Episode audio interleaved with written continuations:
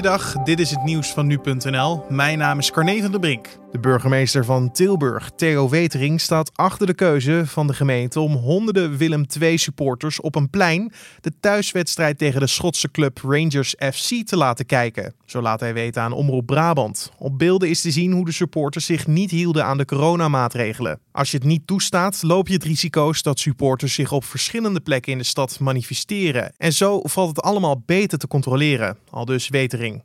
De burgemeester noemt het verder een waardeloze avond. De Verloren namelijk met 0-4 van de Schotse club Rangers FC.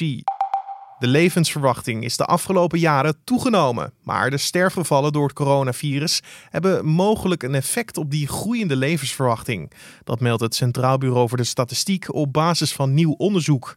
Het CBS heeft voor de rest van het jaar vijf mogelijke scenario's doorgerekend, waarbij in het gunstigste geval de levensverwachting gelijk blijft met die in 2019. In het slechtste scenario, waarbij door een tweede golf twee keer zoveel doden vallen als in het voorjaar, verwacht het CBS dat de levensverwachting zal dalen naar het niveau van 2010. Hoewel het komende wintersportseizoen behoorlijk anders zal zijn dan normaal, laten de meeste wintersporters zich niet afschrikken. Het aantal boekingen ligt bij de ANWB op ongeveer driekwart van het niveau van vorig jaar. De consument neemt wat gas terug, maar het kan zijn dat dat nog wat aantrekt, al dus de Toeristenbond. De verwachting is dat de wintersport een last-minute markt wordt, waarbij de consumenten tot een paar weken voor vertrek afwachten met boeken.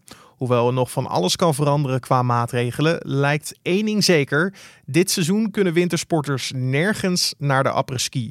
En er werd gisteravond nog meer gevoetbald, want Bayern München heeft de Europese Supercup gewonnen. De Champions League-winnaar was in Budapest na verlenging met 2-1 te sterk voor Sevilla, dat in augustus de Europa League won.